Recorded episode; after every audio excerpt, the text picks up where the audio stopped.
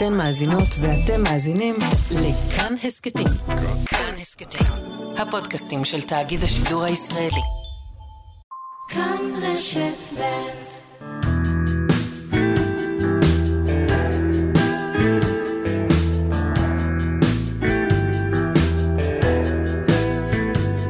אני הולך באופן די קבוע, הרופא אמר, זה יעשה אותך רגוע, זה טוב ללב, גם לכבד, זה טוב מאוד, מרענן, נותן למערכת לעבוד. לפני 30 שנה הלכתי בלונדון מיניסטור, חייל בחופשה, ולפתע הופיע מולי אהוד בנאי, כשנרתיק של גיטרה על כתפיו. אהוד, רציתי להגיד לו, חשבתי שאתה בהודו. ורציתי להגיד גם, השירים שלך, אהוד, הם הפסקול הפנימי שלי, שורות שכתבת חקוקות על לוח ליבי, והייתי כבר בחמש הופעות שלך, רק השנה. רציתי להגיד לו את כל זה, והתביישתי. ואהוד בנאי והגיטרה המשיכו בדרכם, המשיכו לנסוע בזמן. והנה, 30 שנה אחרי, אהוד בנאי והגיטרה כאן, לשעה שלמה. שלום אהוד. שלום אשכול. אז קודם כל אני רוצה לשחרר את התודה שלא נאמרה אז בלונדון מיניסטור, אז, אז גם תודה על השירים ו- ותודה על עוד משהו שהוא קצת יותר חמקמק, איזושהי השראה שכרוכה בלהתבונן על יוצר שהוא מבוגר ממך. ולהסתכל על, ה, על השביל שלו, שמתחיל כאן, ולראות מה, איזה צידה אתה לוקח לדרך שלך. ופתחנו בשיר "אני הולך", שהוא כן. שיר ההליכה האהוב עליי, כן. ורציתי לשאול אותך אם אתה הולך, זאת אומרת, אם אתה עושה הליכות אה, עדיין. אני עדיין עושה, לצערי לא מספיק. פעם הייתי הולך יום-יום. בתקופה שכתבתי את השיר הייתי ממש מקפיד על הליכה יומיומית. היום אני עושה את זה אחת לשבוע, פעמיים בשבוע. אבל יש משהו בהליכה שאני מאוד אוהב. הצורה שהיא מסדרת לך את המחשבות, וגם פשוט לצאת מהבית ולגלות מחדש את הסביבה הכי קרובה אליך. כל פעם היא נראית קצת אחרת. ואני עושה את זה בדרך כלל בשעות כאלה של דמדומים, אתה יודע, בין חושך לאור, אור לחושך. אז יש לי תחושה שאתה תמיד הולך קצת בזמן שלנו, אבל גם אתה נוסע בזמן. זאת אומרת, אתה מצליח להיות גם בזמן עבר. זה לא קורה כל הזמן, אבל יש לי הבהובים כאלה. ובכלל, אתה יודע, גם כשאתה הולך כאן במקום הזה, בארץ ישראל, אבל גם זה יכול לקרות לי גם כשאני אלך במקומות אחרים בעולם, הסיפור של אברהם אבינו מתחיל בציווי לך לך. הוא הולך. ואני מרגיש שמאז אנחנו נמצאים על איזה מסלול של הליכה, וזה מעניין שנגיד לאלבום האחרון שלי גם קראתי הולך ומתקרב. אנחנו נמצאים במסלול של הליכה לקראת משהו, שקשה לי מאוד להגדיר אותו, אולי איזושהי תודעה חדשה, אולי איזה אור חדש. אבל יש איזו מין הרגשה שאני כפרט, וגם, וגם כלל האנושות, היא הולכת. אני משתמש הרבה בעניין הזה של, של הליכה לקראת משהו. ברוקלין בדרך, ואני מתרגש, האם יש בך את מה שליבי מבקש. מי זאת הברוקלין הזאת? זה אישה? מקום, או אולי מצב תודעתי. בעצם גם השמות של האלבומים שלך, זה קרוב וזה עוד מעט. לי תמיד נדמה שיש איזה גם חשש להגיע. אם מגיעים, אז, אז כבר לא רעבים. יש בזה משהו, נכון. יחד עם זה, לספר שלי השני קראתי זה זה המקום. המקום, כאילו אוקיי. להגיד, אוקיי, בכל זאת. אבל פה ושם אתה מגיע למקומות מסוימים ואתה אומר לעצמך, זה המקום. אני אוהב את הדרך, אני לא רוצה שהיא תיגמר. אני רוצה לגלות דברים לאורך הדרך, אבל אני אוהב שכמו שאריק לוי שר כאן, זה קורה שהדרך מתמשכת. בהקשר הזה, אני ככה הבנתי ש, שממש ב, בימים האלה אתה נפרדת מלהקה, שליוותה אותך הרבה זמן. כן. זה גם חלק מאיזה רצון להתחדש? כן, הפרידה הזו התרחשה לפני חצי שנה ולא הייתה קלה, כי זה אנשים שעבדתי איתם, וגם, אתה יודע, נוצרים גם קשרים אישיים, וחברות. אבל באיזשהו מקום היה לי צורך לחזור אל נקודת ההתחלה, כמו שראית אותי הולך עם גיטרה, ככה לשוטט ברחבי הארץ, במקומות קטנים עם גיטרה, להחזיר את עצמי כאילו אל נקודת ההתחלה. בשביל באמת להתחדש ו- ולגלות דברים חדשים. וגם, אני חושב שאני כאילו בזמן הזה, אני יותר מחפש את הסאונד האקוסטי, הפולקי, פחות מאשר הרוק. קצת נהיה לי קשה לשמוע מאחורי הגב שלי תופים אימתניים כאלה, אה, חזקים, ובס חשמלי וגיטרות חשמליות. אני, הרבה יותר נוח לי עכשיו או להופיע לבד, או שאני מופיע עם נושי פז, עם עוד גיטרה ועדי גיגי עם קונטרבאס, מין אה, הרכב כזה שהוא יותר באמת אקוסטי וקאנטרי פולק כזה. אני מזדהה עם זה. אחרי הרבה שנים של יצירה יש איזה רצון לחזור לתמימות. אולי בעצם תמיד אנחנו מחפשים את, ה, את התמימות של ההתחלה, אבל, אבל נקודת ההתחלה שלך בכלל הייתה קשה. נכון, זה לא היה קל, אבל כשאמרתי לך נקודת ההתחלה, התכוונתי לרגע הזה שבו התחלתי לכתוב ולנגן ולשיר, והייתי אז לבד, עם גיטרה, ואני גם זוכר בדיוק איפה זה קרה לי. זה קרה לי בוואדי של אה, ראש פינה, ואחר כך זה המשיך גם בגבעתיים וברמת גן. אז לחזור אל, אל הרגע הזה, שאתה עדיין כאילו נמצא, כביכול הכל כמו איזו שושנה שעוד לא נפתחה, עכשיו זה כבר לא חוכמה, כי אני כבר יודע, אוקיי, כבר עברתי את כל מה שעברתי. אני יודע גם שמה שאני עכשיו אעשה יגיע לקהל, ויש לי כבר את הערוצי התקשורת שלי עם הקהל, אבל בכל זאת, זה כאילו לחזור אפילו בתחושה אל הנער בן 17 בהפסקה בתיכון עם פיקסמן ורוזמן, עם כל שעדיין כל החיים עוד לפניך, כל החלומות, כל השאיפות, כל המשאלות עוד לפניך. אתה יכול היום לקחת גיטרה וללכת לראש פינה ולשבת ליד אה, מדורה ולנגן מנגינות שעוד אין להם אה, עלילה? כן. אני עושה את זה או בראש פינה או במקום אחר, שאני הרבה מבלה בו בשנים האחרונות, בגליל התחתון דווקא. כן, יש לי צורך, לא, זה ממש צורך לעשות מדי פעם את הדבר הזה, כן. טוב, הזכרת את ההתחלה, אז נשמע דווקא מתוך האלבום הראשון, מתוך הפליטים, את אה,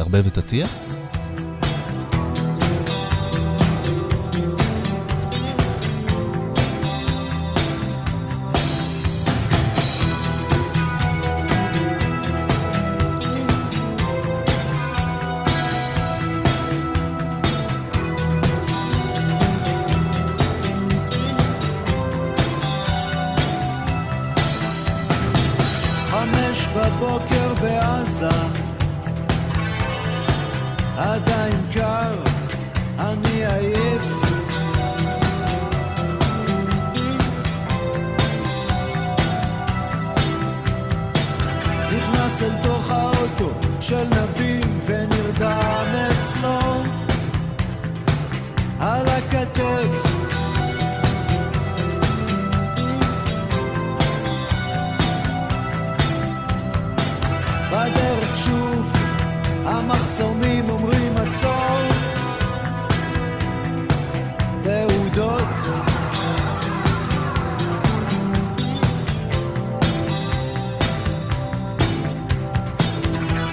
shine.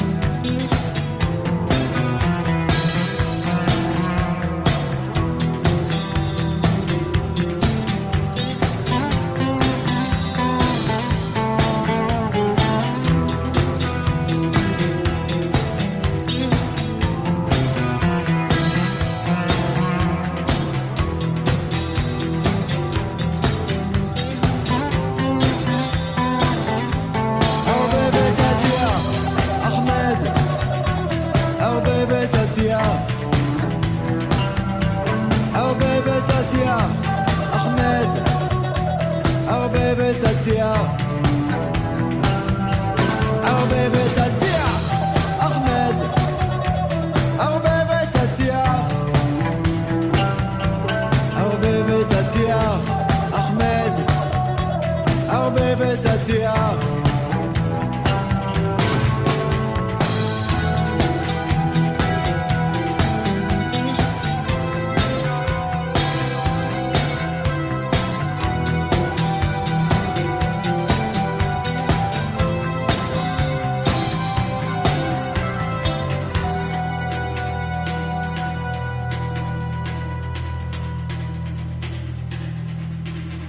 שמענו את הרבה ותטיח, ואני זוכר את עצמי אה, בפסטיבל ערד, שומע את השיר הזה, הפליטים, אהוד בנאי והפליטים מופיעים בבריכה, ואתה שר את השיר הזה, והקשבתי לו שוב השבוע ותהיתי אם הייתם משחרר אותו, שיר כזה היום, אה, לרדיו. שאלה טובה. אני לא יודע להגיד לך חד משמעית. אני כן יודע שאני מאוד מאוד שלם עם השיר הזה ועומד מאחוריו עד היום. יכול להיות שכן, אתה יודע מה, יכול להיות שכן, הייתי משחרר אותו, ולא יודע מה הייתי חוטף בעקבות זה בזמננו, כן?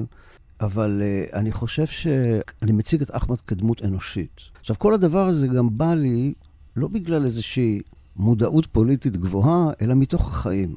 כל האלבום של הפליטים נכתב מתוך החיים. הייתי אז בן uh, אה, 27-8, הגעתי אל תל אביב, מראש פינה, וידעתי שכבר שאני רוצה לעסוק במוזיקה, אבל הייתי צריך להתפרנס, ואיכשהו, לא יודע, הלכתי ברחוב אלנבי וראיתי שם שמחפשים uh, עבודה, והתחלתי לעבוד שם, כמערבב טיח ביחד עם, עם אחמד. פועל בניין. פועל בניין. אחרון הפועלים העבריים בארץ הקודש. כל הפועלים אז היו ערבים, כמעט כולם הגיעו מרצועת עזה. עבדתי שם בערך חודשיים, ופשוט שיחות איתו, אתה יודע, במהלך העבודה או בהפסקה, ואז הוא מספר לי, קם בבוקר, מוקדם, ועוד פעם מחסומים, מה הם רוצים ממני, ואני מגיע, ו... ואני רואה דמות של אדם. ובתוך כל הסכסוך המדמם הזה, יש אדם אחד. ואז בחרתי את האדם הזה, זאת אומרת שיש לו שם. ואני לא חושב שהשיר הזה, הוא לא מביע איזושהי דעה בעצם, הוא רק אומר, שימו לב. יש פה בן אדם. יש כאן בן אדם, כן. זה משהו שאנחנו שוכחים בתוך כל ה... המצב הזה. הם שוכחים את זה לגבינו ואנחנו שוכחים את זה לגביהם, אבל יש כאן אדם שצריך להבין שגם הוא רוצה לחיות, וזו הזכות שלו לחיות, ואנחנו צריכים לכבד את זה. ואיך אתה מרגיש ככה מול מה שקורה היום? אנחנו נפגשים ככה ביום טעון של פיגוע, ואחרי, ושבועיים אחרי בחירות, ואתה עומד על דרך ההלכה ומחפש את אה, דרך השלום, כמו בשיר. אז אני בכוונה שואל את זה פתוח כדי שתוכל להתייחס לזה מאיזה מקום שנוח לך להתייחס. תראה, אנחנו חיים כל הזמן את המצב הטעון הזה. כל הזמן בחירות וכל הזמן אה, שסע מאוד מדמם ופיגועים לצערי. ואני עדיין עומד על גשר ההלכה ומחפש את דרך השלום. תמיד הייתי כזה, זאת אומרת, אני היפי, נשארתי היפי, למרות כל השינויים שעברתי. אני חושב שהתנועה ההיפית רצתה אה, לעשות דבר מאוד עמוק, וזה לתקן את העולם. וכשאני כיהודי מתפלל שלוש פעמים ביום, התפילה מסתיימת במילים לתקן עולם במלכות שדי. פתאום ראיתי כאן את החיבור בין החזון היהודי, האהבה ושלום, ההיפי. בעצם היידיש רסטמן. כן, נכון. אני מצר מאוד על זה שאין לנו היום קולות שמציגים את הפנים המוארות והמאירות ושואפות השלום של תורת משה וישראל. יש כאלה אנשים, אני מכיר אישית כמה כאלה. ויש גם פנים כאלה. יש גם פנים כאלה, ויש גם אנשים כאלה, אבל הם צנועים, הם נמצאים במעגל שלהם, הם לא מאלה ששומעים עליהם בראש חוצות.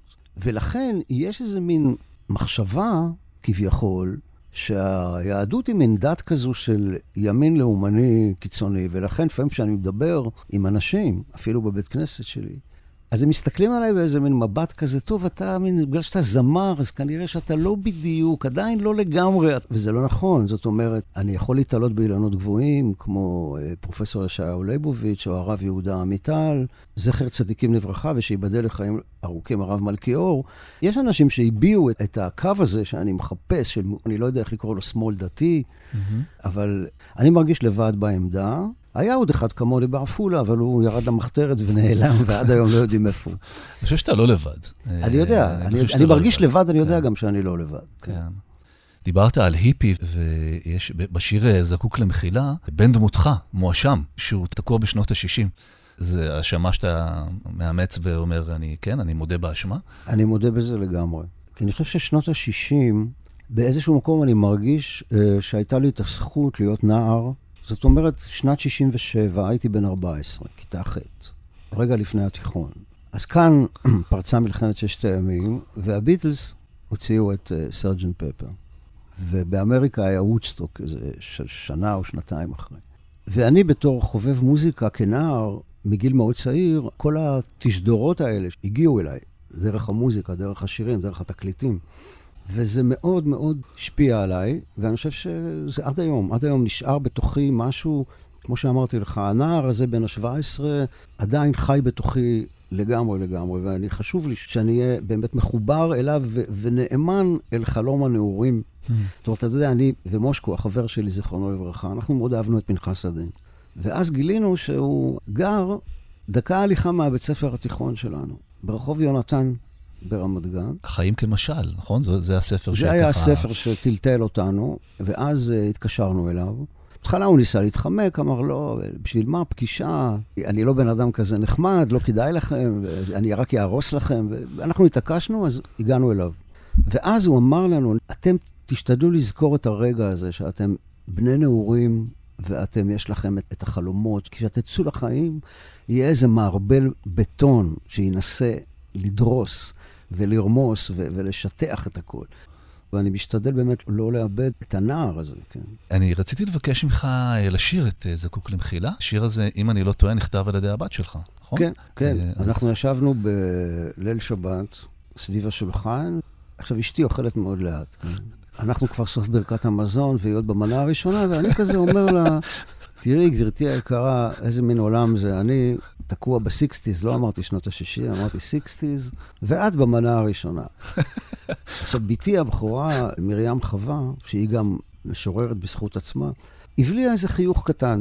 ושבועיים אחר כך, אשתי ואני ישבנו על גדות הכנרת. ופתאום אני מקבל בוואטסאפ או במייל הודעה ממרים חווה, כתבתי שיר בעקבות הדברים שאמרת, ואני קורא את השיר, קורא אותו בקול רם, ואני נחנק מדמעות באמצע, ואשתי גם.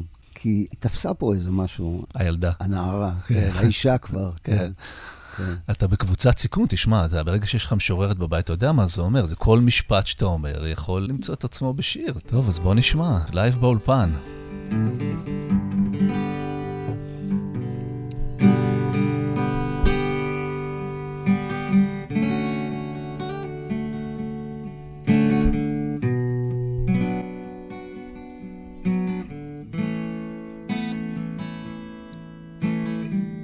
אני תקוע בשנות ה-60, ואת במנה הראשונה. כנראה שלי יש הפרעה בזהות, ולך הפרעת אכילה. אני יכול להסתדר רק עם עגבנייה במקרר, אבל את תמיד רוצה יותר.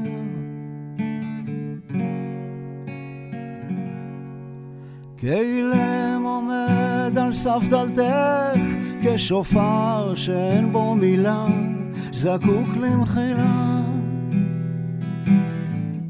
כאילם עומד על סף דלתך, בתפילה שאין בה מילה, זקוק למחילה.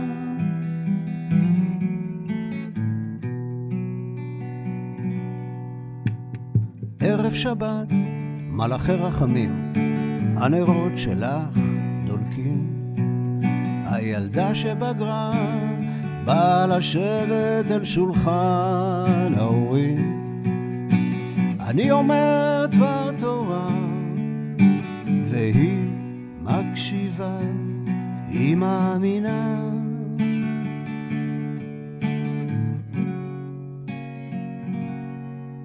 כאילם עומד על סף דלתך, כשופר שאין בו מילה, זקוק למחילה. בואי נלך לים, נשטוף את הפצעים מהרגליים. נפתח חלון ברכב, נקשיב לדיסק ישן. בינתיים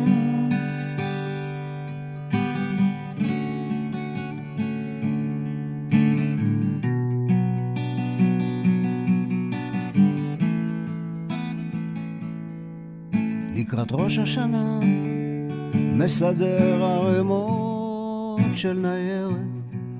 מנסה שוב ושוב לפתוח את הסתימה בצנרת. לפעמים אני מרגיש איך שהכל ממני בורח. ולפעמים אני מרגיש בתוך ביתי כמו אורח. כאילם עומד על סף דלתך כשופר שאין בו מילה זקוק למחילה בואי נלך לים נשטוף את הפצעים מהרגליים. נפתח חלון ברכב, נקשיב לדיסק ישן בינתיים.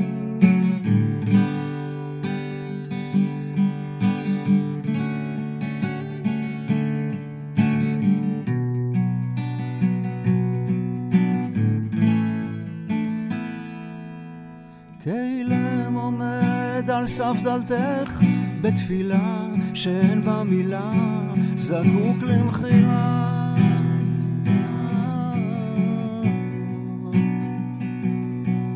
כאילם עומד על סף דלתך כשופר שאין בו מילה זקוק למכירה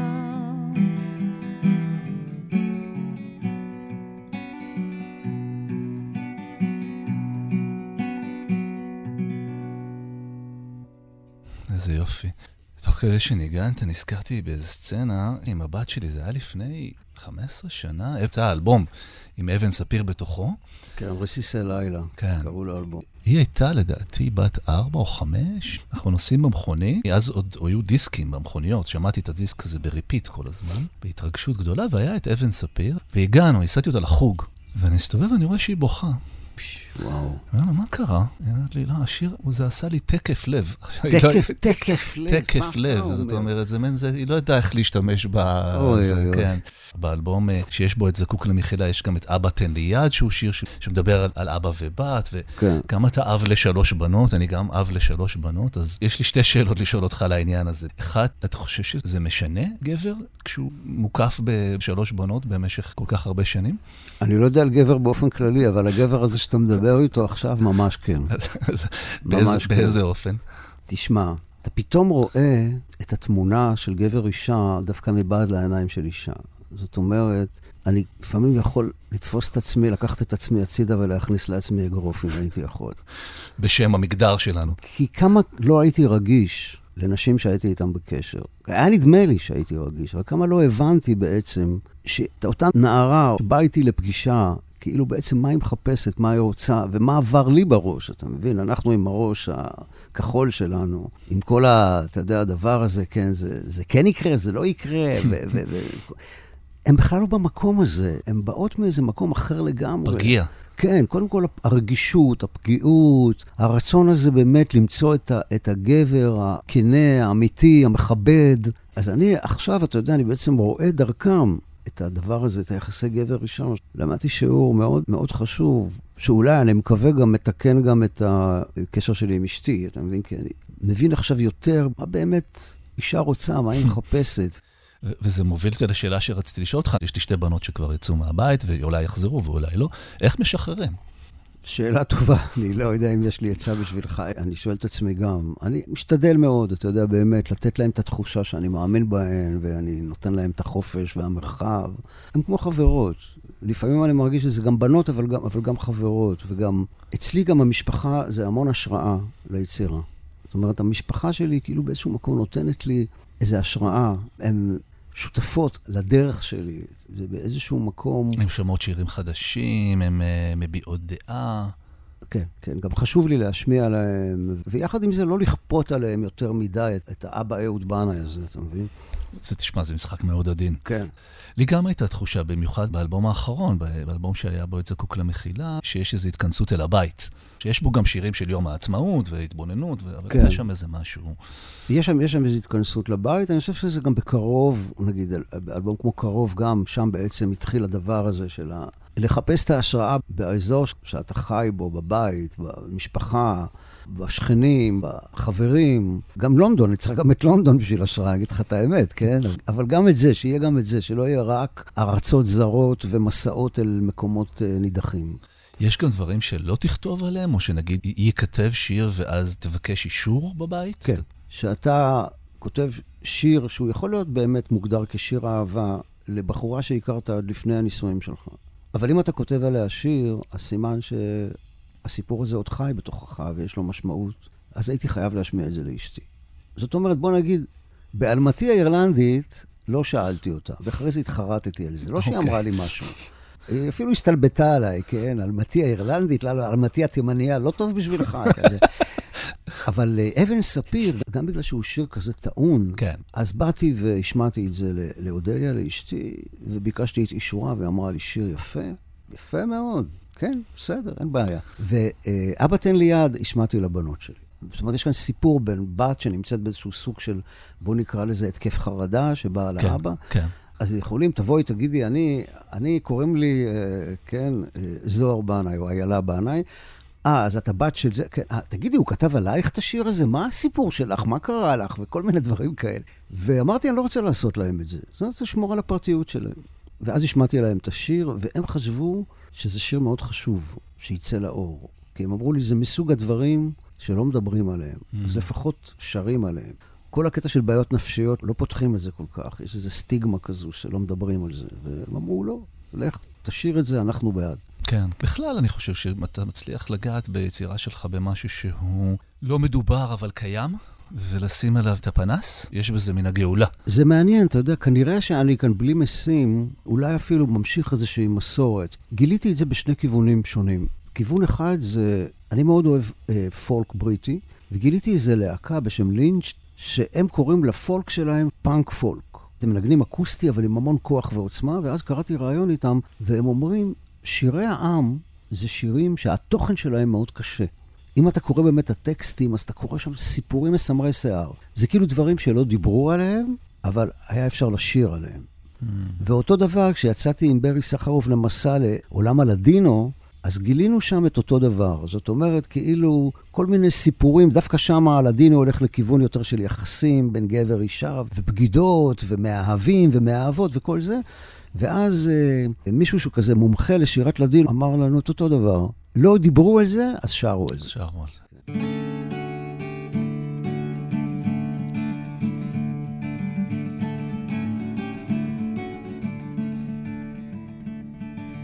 היא באה מהכפר מבית חם בהרי ירושלים. פגשתי אותה על חוף דיונות הזהב שבמדבר. שבע שנים עבדתי בשבילה, בחוץ ידיד, בפנים אוהב. היא נתנה לי מדי פעם את היד, אבל אף פעם לא את הלב. כשיצאתי למסע היא קשרה לי צמיד סביב פרק כף היד. הוא היה עליי שנים עד שנקרא לי ועבד את הציור שהצירה לי. אני שומר עוד על הקיר, כוכב לבן יהלום. אבן ספיר.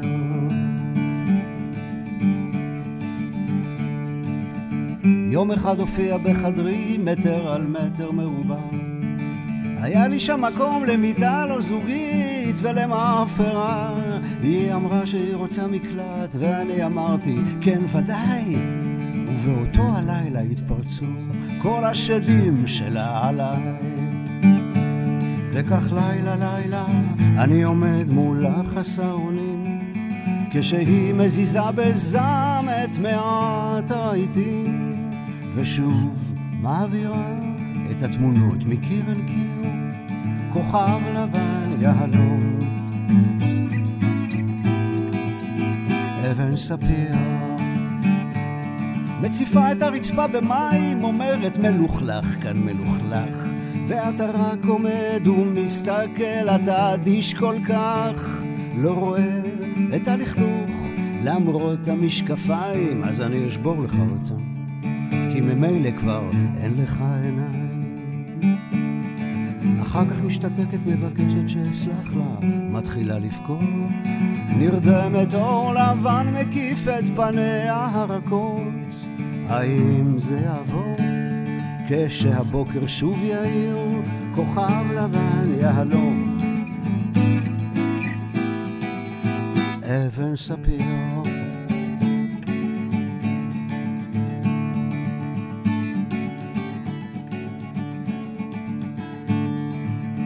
יום אחד השאירה פתק, לא נראה לה שתחזור. לא יכולה להישאר כאן ואת ליבי לשבור. יש לי רעשים בראש, היא כתבה. אני עולה באש, ואין בי כוח לנקות את כל הלכלוך הזה שיש. אל תחפש אותי, תמצא אישה, תקימו משפחה. אני חוזרת אל הכפר, אולי אמצא שם מנוחה. היא נעלמה, ובחדרי רקנות שוב באוויר, בלי כוכב לבן יהלום. אבן ספיר. חלפו שנים, אני לא יודע אם היא כאן או שאולי נסע. האם היא חופשייה או שבתוך עצמה כלואה? האם יש לה משפחה? האם היא עדיין איתנו או שחזרה אל הכוכב שלה? עזבה את הכוכב שלנו. אז אם תראה אותה תגיד לה, אני זוכר כמעט הכל, את המוזיקה בדיונות הצהוב והכחול, את הציור שהיא ציירה לי, אני שומר עוד על הקיר, כוכב לבן יהלום. אבן ספיר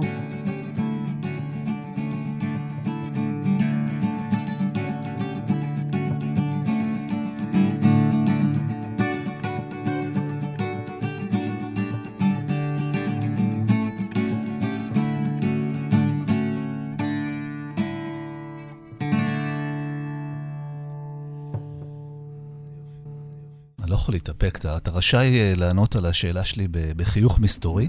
כן. האישה שעליה מדובר בשיר, היא צצה בעקבותיו? לצערי לא, כי אני פשוט כתבתי את השיר הזה אחרי ששמעתי שהיא נפטרה mm. מן העולם. ואז כל הסיפור צף ועלה בתוכי, ואני הרגשתי שאני רוצה באיזושהי צורה לשמר את הזיכרון שלה ולהעביר אותו גם הלאה. בלי לנקוב בשמה, פשוט הדמות שלה, שתחיה לפחות בשיר שלי. שתחקק. כן. רציתי לשאול אותך על, על עוד אדם שאינו איתנו, אה, שמו מושקו קורן. שמע עוד מעט, אה, שיר שהוא כתב והלחין זמר משה בן יוחנה, ואתה מתארח בשיר, ויש סיפור מאחורי השיר הזה, הוא סיפור מעניין. בעצם, אלמנתו של מושקו השאירה למשה בן יוחנה את ספר השירים שמושקו כתב, כן. ליד הדלת. כן. ומשה מצא שיר שנקרא בעיכול הבא, והלחין אותו, ואז הזמין אותך להשתתף. אני חושב שזה שיר יוצא מגדר הרגיל, ומאוד רוצה, מאוד ככה מתכבד להשמיע אותו, בעצם תהיה השמעת בכורה של השיר הזה ברדיו. כן, כן. ספר לנו קצת על האיש, הוא פיקסמן והטייפ הנייד. ממש ככה. ממש כן, ככה. כן, הוא, הוא, הוא היה עם הטייפ הנייד. משה קורן, שמו, וביחד מוש קורן נהיה מושקו. אנחנו הכרנו בתיכון בכיתה ט', חמישית, אה, ואחר כך המשכנו יחד ללמוד. כל שנת התיכון ישבתי לידו. ומהר מאוד גילינו אהבות משותפות, בעיקר ספרות ומוזיקה. והפכנו להיות ידידים בלב ובנפש. ועד היום אני שומר התכתבויות מטורפות שהיו לי איתו במהלך אה, שנות הלימודים. אז התכתבויות של פעם, במחברות וזה, במחברות, לא בוואטסאפ. בניירות, לא, לא, לא, כן. ברור, כן. וכבר אז מחשבות על אה, לעשות להקה ביחד, ומסעות משותפים בגבעתיים, שיחות נפש, וגם תגליות של מוזיקה. אנחנו ממש אה, גילינו את המוזיקה ביחד, אפשר לומר. התבגרנו כזה עם, עם הביטלס ועם כל מה שקרה אז ביחד, ושמרנו על קשר בעצם כל השנים, עד שמושקו נפטר. היה פעם שהיינו בטיול שנתי, והגענו לנחל צלמון, ואז ישבנו תחת עץ, והיינו בני 17, והחלטנו שאנחנו ניפגש שוב תחת העץ הזה בגיל 35. בסופו של דבר, אנחנו חשבנו שאנחנו לא נהיה, כאילו, לא, לא נשמור על קשר, אבל עד גיל 35 היינו כל כך הרבה ביחד, שפתאום המפגש בנחל צלמון היה מיותר, ואז אמרנו, אוקיי, 75, בואו נשנה את זה ל-75 בנחל צלמון, אבל זה יקרה כבר כנראה בנחל צלמון של מעלה. מושקו היה איש מאוד מאוד uh, מיוחד, באמת, עם עולם פנימי מופלא, הוא כתב שירים מקסימים. אחד מהם אני הלחנתי, זה נקרא השטח, זה פותח את האלבום שלי אש קטנה. ולצערי הוא לא זכה להכרה כמשורר בחייו, אבל לילה, אשתו באמת, אספה את כל השירים שהוא כתב, הוציאה את הספר הזה שנקרא פתיתים של שלג, שהוא פשוט ספר שירה נפלא. אז בואו ניתן לו, בוא ניתן לו מקום וניתן לו הכרה ונשמע את uh, בעיכול הבא, משה בן יוחנה ואהוד בנאי. תפוס אקדח, תרד לעיר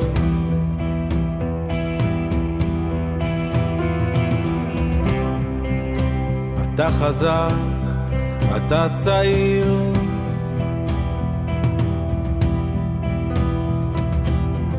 הסכנה אומרים אורבת ברחובות.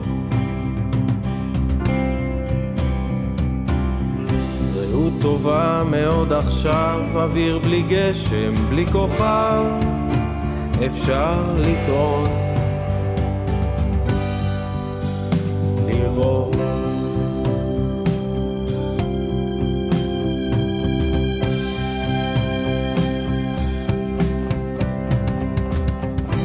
תפוס אקדח ורד לעיר.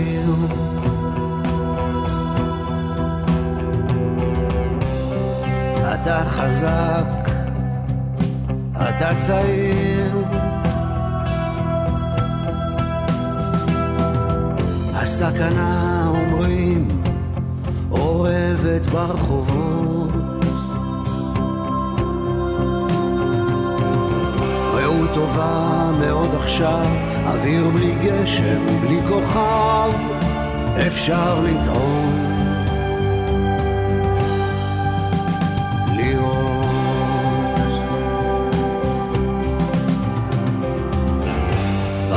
בעיכול הבא. ממתין, ממתין, ממתין לך.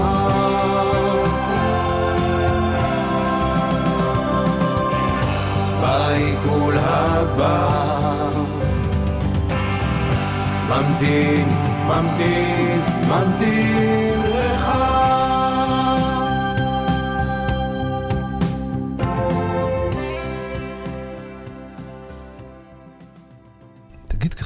כדי ככה שהקשבתי לשיר במהלך השבוע, אני שוב מנצל את זה, ש... את השנים שיש לך ב... ביתרון עליי. יש לך לא מעט שירים שמוקדשים לאנשים שכבר לא איתנו, זאת אומרת, יש את השיר שמוקדש לז'אן ז'אק, ובלוז כנעני, אה, שהוא. למאיר, למאיר אריאל, כן. אז שירים זה לפעמים דרך להתמודד עם הפרדות האלה? זה עוזר?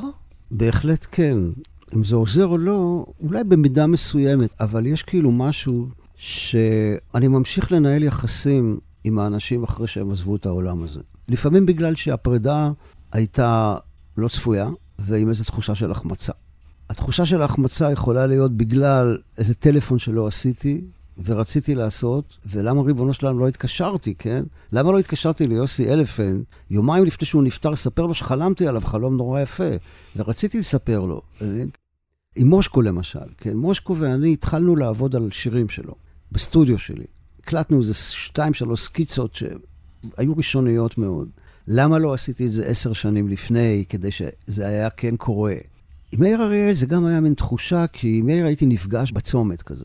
הוא עולה לבמה, אני יורד, תמיד באיזה כל מיני אירועים כאלה. כן. אז הוא אומר לי, שמעתי שאתה קצת אה, לומד, אמרתי לו, כן, אז תבוא אליי, אני לומד פעם בשבוע, פרשת שבוע, אה, אני אגיע אליך. או איך אתה מסתדר עם, עם ליל שבת? קשה לי מאוד, אני יוצא להופעות, אבל קשה לי. הוא אמר לי פעם שהוא הוא המציא מין טקס שהוא הופך את האוטו לבית. אז הוא כאילו נשאר בבית. בבית. שומר שבת. כן, כן. פתרון יצירתי. ואז אחרי מותו, שבאמת היה איזה סוג של הלם, לא רק לי, לכל אוהביו, כי זה לא היה צפוי, המוות הזה, שזה בעצם, רגע, אז לא הגעתי אליו אף פעם לשיעור. לא עשינו שולחן שבת ביחד.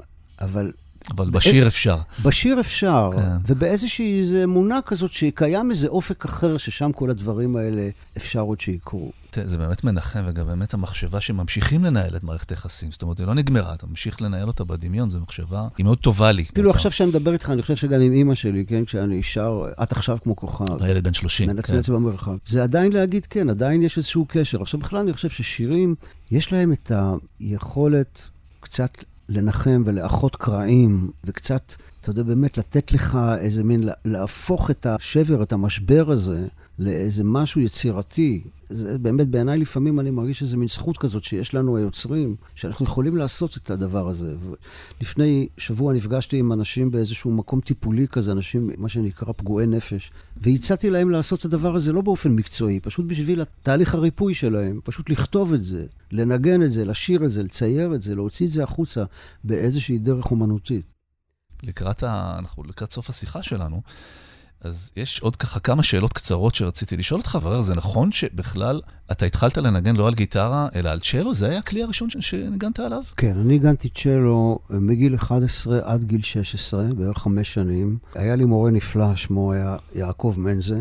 הוא היה נגן בפילהרמונית וברביעייה הישראלית. הוא, הוא אמר לי, תשמע, לא יעזור לך כלום, כשבאתי אחרי ארבע שנים, ואמרתי לו שנורא קשה לי עם הצ'לו, כי הוא רצה שאני אתאמן ארבע שעות ביום. צ'לו זה כלי שאתה חייב להתמסר אליו. אז צ'לו לא היה בפופ, לא היה ברוק. כן, הוא היה נורא קלאסי, הכל היה נורא קלאסי, כבד כזה.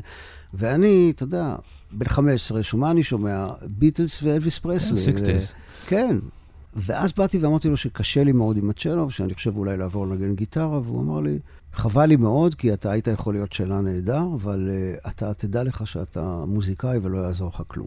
ואתה חוזר לצ'לו? האמת היא שהשתעשעתי ברעיון כבר כמה שנים, ולפני חצי שנה החלטתי לעשות מעשה, הלכתי, רכשתי צ'לו, וכן, אני לוקח שיעורים, ודווקא אני לומד, שלא כמו עם הגיטרה, אני לומד תווים וקטעים קלאסיים. אני רק בהתחלה, אבל, אבל אני בהחלט משקיע בזה עכשיו אה, כמעט כל רגע פנוי שיש לי. זאת אומרת, אפשר לראות אותך ברחובות אה, רמת גן, הולך עם אה, צ'לו על... לשיעור, בהחלט, כן, אוקיי. כי המורה שלי גרה בגבעתיים, עשר דקות הליכה אוקיי. ממני, כן. אתה באמת גבאי של בית כנסת? בהחלט. לא מורשה, לא מורשה. לא מוסמך, אוקיי. רצה הגורל. אתה גבאי טוב? אתה חומל? מאוד. קשוח? אני מאוד מקווה, לא, אני לא קשוח, אלא אם כן מעצבנים אותי מאוד.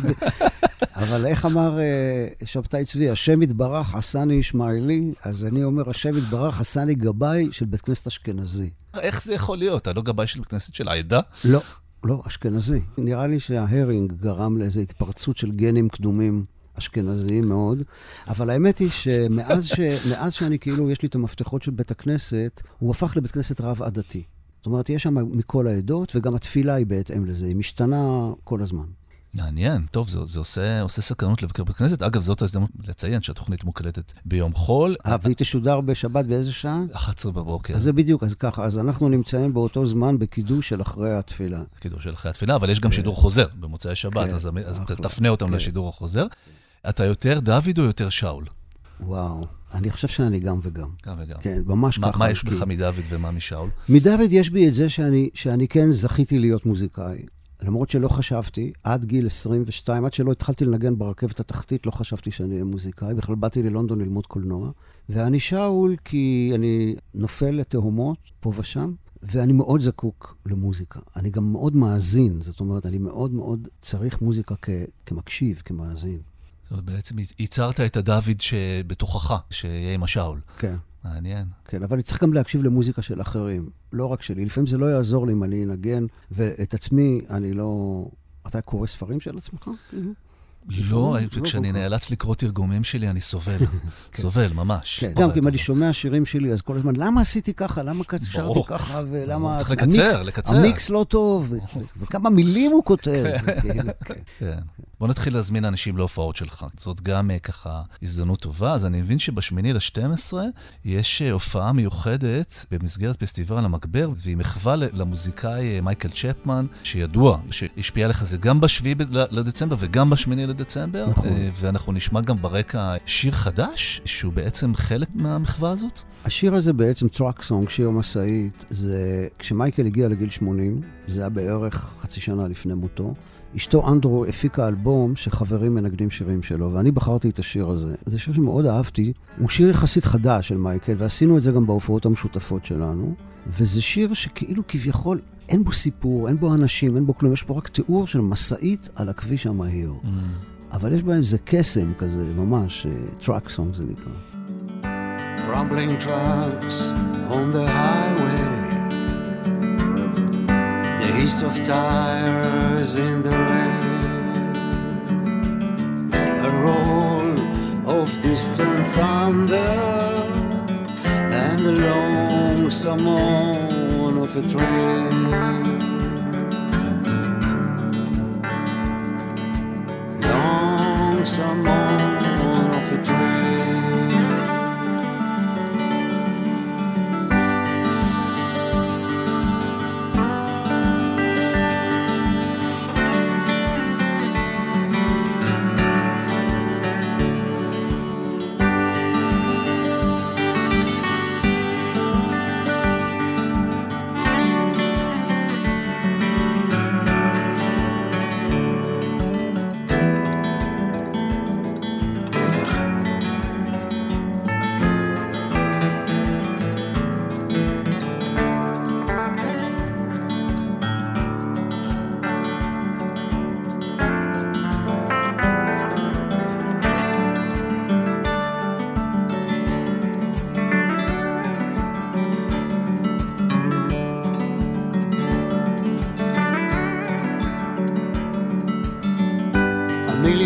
stars, no moon. The breeze comes up through the pines, but the highway never seems to sleep. I guess it's a sign of the times. I guess it's a sign of the times.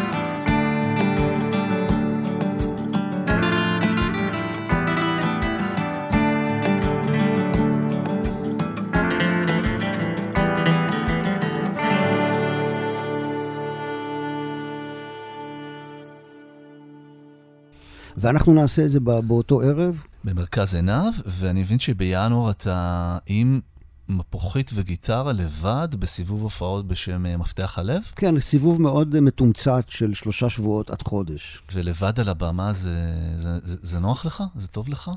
מדי פעם כן, מדי כן. פעם אני מאוד צריך את זה. שמתי לב, כשאני לבד עם גיטרה, אז אני יותר מדבר עם הקהל. זה קצת, מספר זה- סיפורים גם. זה, זה, זה קצת נהיה טיפה כמו התוכנית רדיו שלי בדרכים, במידה מסוימת. אני הרבה יותר מרשה לעצמי לספר את הסיפורים שמאחורי השירים ולתקשר עם הקהל. אנחנו מסיימים תמיד עם האורחים שלנו בהמלצה לשבת. המלצה לשבת היא, היא לאו דווקא לעשות אותה בשבת, אלא אנשים מקשיבים לתוכנית בשבת ובמוצאי שבת, ויש להם זמן לממש את כל הסקרנויות שלהם. אז, אז אם אתה יכול להמליץ או על אלבום שהוא לא שלך, אה, או ספר שקראת ומעניין, או בכלל איזה מקום אה, מעניין שכדאי לה, להגיע אליו בארץ ואנשים לא מכירים מספיק. יש אה, גם וגם וגם, אבל בואו נתחיל דווקא עם מקום. אני גיליתי בשנים האחרונות מקום שנקרא בקעת ארבל. זה קצת מקום אה, נסתר כזה. אם אתה מגיע לצומת גולני, אתה נוסע לכיוון טבריה, אתה עובר את מה שנקרא צומת פוריה, ואז מבלי משים, רגע לפני שמתחילות הירידות התלולות לטבריה, יש לך כביש שמאלה.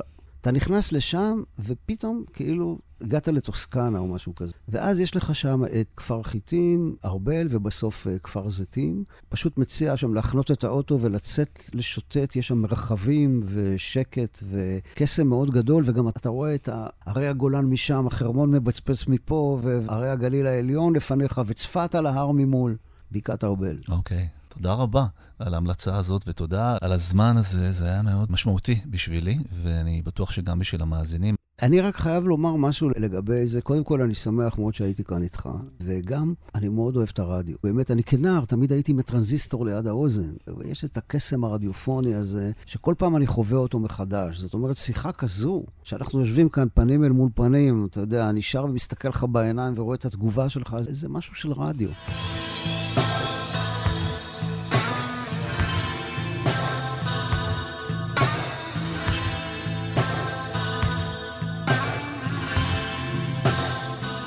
תודה לאהוד בנאי.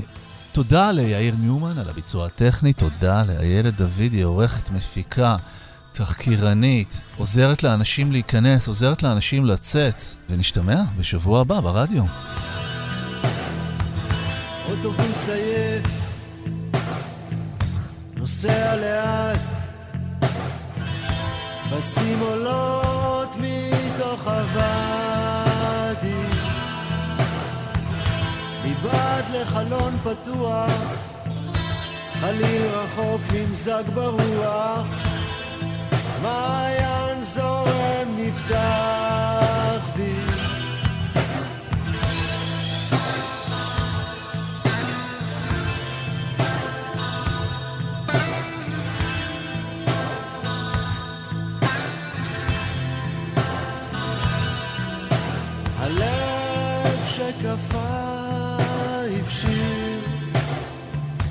חוזר לעיר, ממשיך לנסוע. הלב שקפא הבשיר, לא חוזר לעיר, ממשיך לנסוע.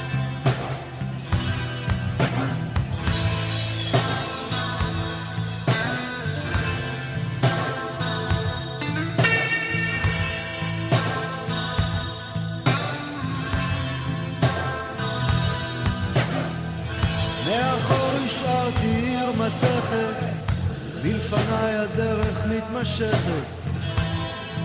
אור זהב בין הארבעים, איזה שיטפון פנימי זורם בתוך תוכי, מתוך הלב אל על חיים.